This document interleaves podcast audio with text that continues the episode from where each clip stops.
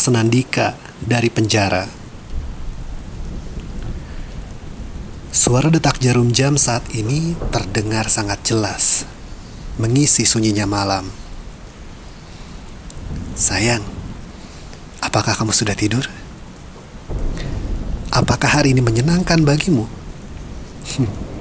Semoga saja menyenangkan. Malam ini, entah kenapa rasa rindu padamu begitu menggebu. Kalau sudah begini, ingin sekali aku datang ke tempatmu dan melihat senyum di wajahmu untuk mengobati rindu. Namun aku harus puas dengan menatap selembar fotomu yang sedang tersenyum.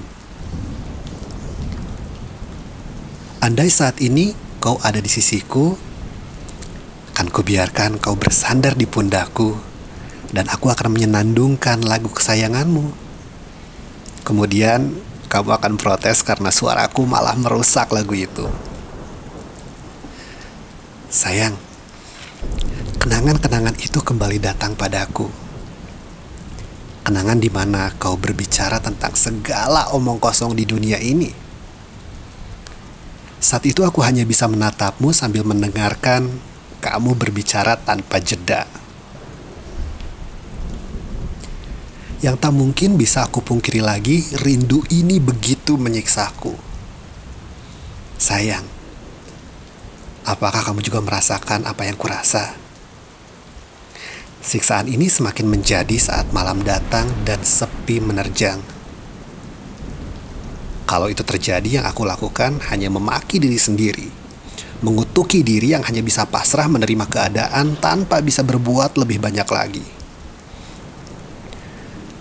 Ada kalanya saat bayang wajahmu hadir setiap malam di mimpiku, hal itu membuatku khawatir dengan keadaanmu. Apa yang sedang terjadi padamu? Apakah kau baik-baik saja di sana? Apalagi saat ini aku dengar kamu sedang mengandung. Kekhawatiran itu semakin menjadi saja.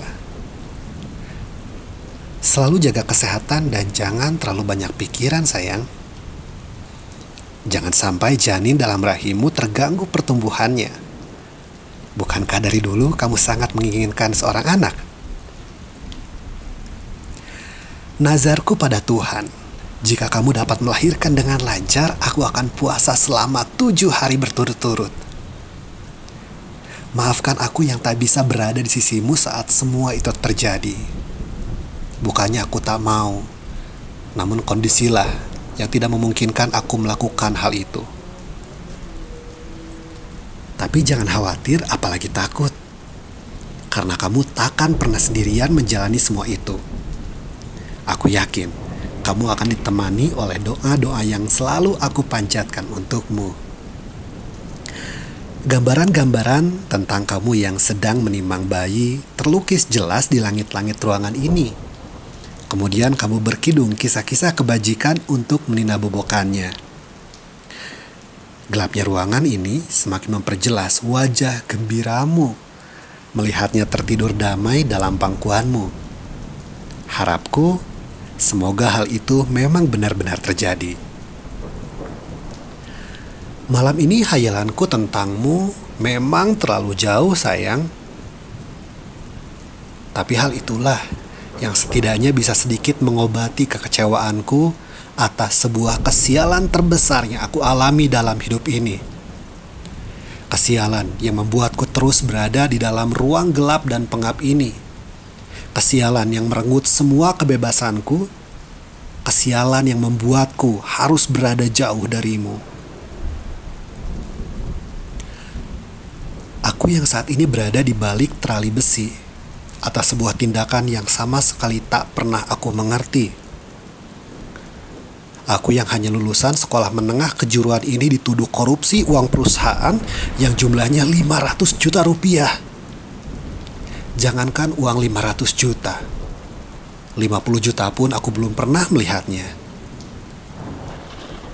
Waktu itu aku hanya menuruti perintah atasanku untuk datang ke bank dan memberikan sebuah amplop ke petugas bank yang sudah dia telepon sebelumnya. Tapi katanya semua bukti dan saksi yang ada malah memberatkanku. Semua cerita yang aku katakan dianggap karangan belaka karena tidak ada bukti dan saksi yang mendukung ceritaku. Nasib orang miskin seperti kita mungkin memang sudah tertulis seperti itu, sayang. Tak pernah punya kekuatan untuk melawan orang yang mempunyai kuasa.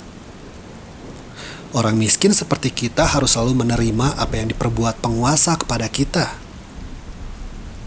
Orang miskin seperti kita selalu disuruh menyukuri apa yang kita punya hari ini. Orang miskin seperti kita akan ditertawakan oleh para penguasa yang hanya karena kita bermimpi menjadi kaya.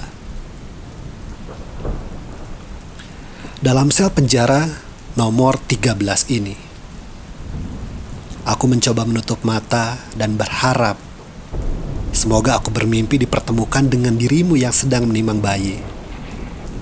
Namun yang terjadi, pikiran ini seperti mengkhianati aku sayang.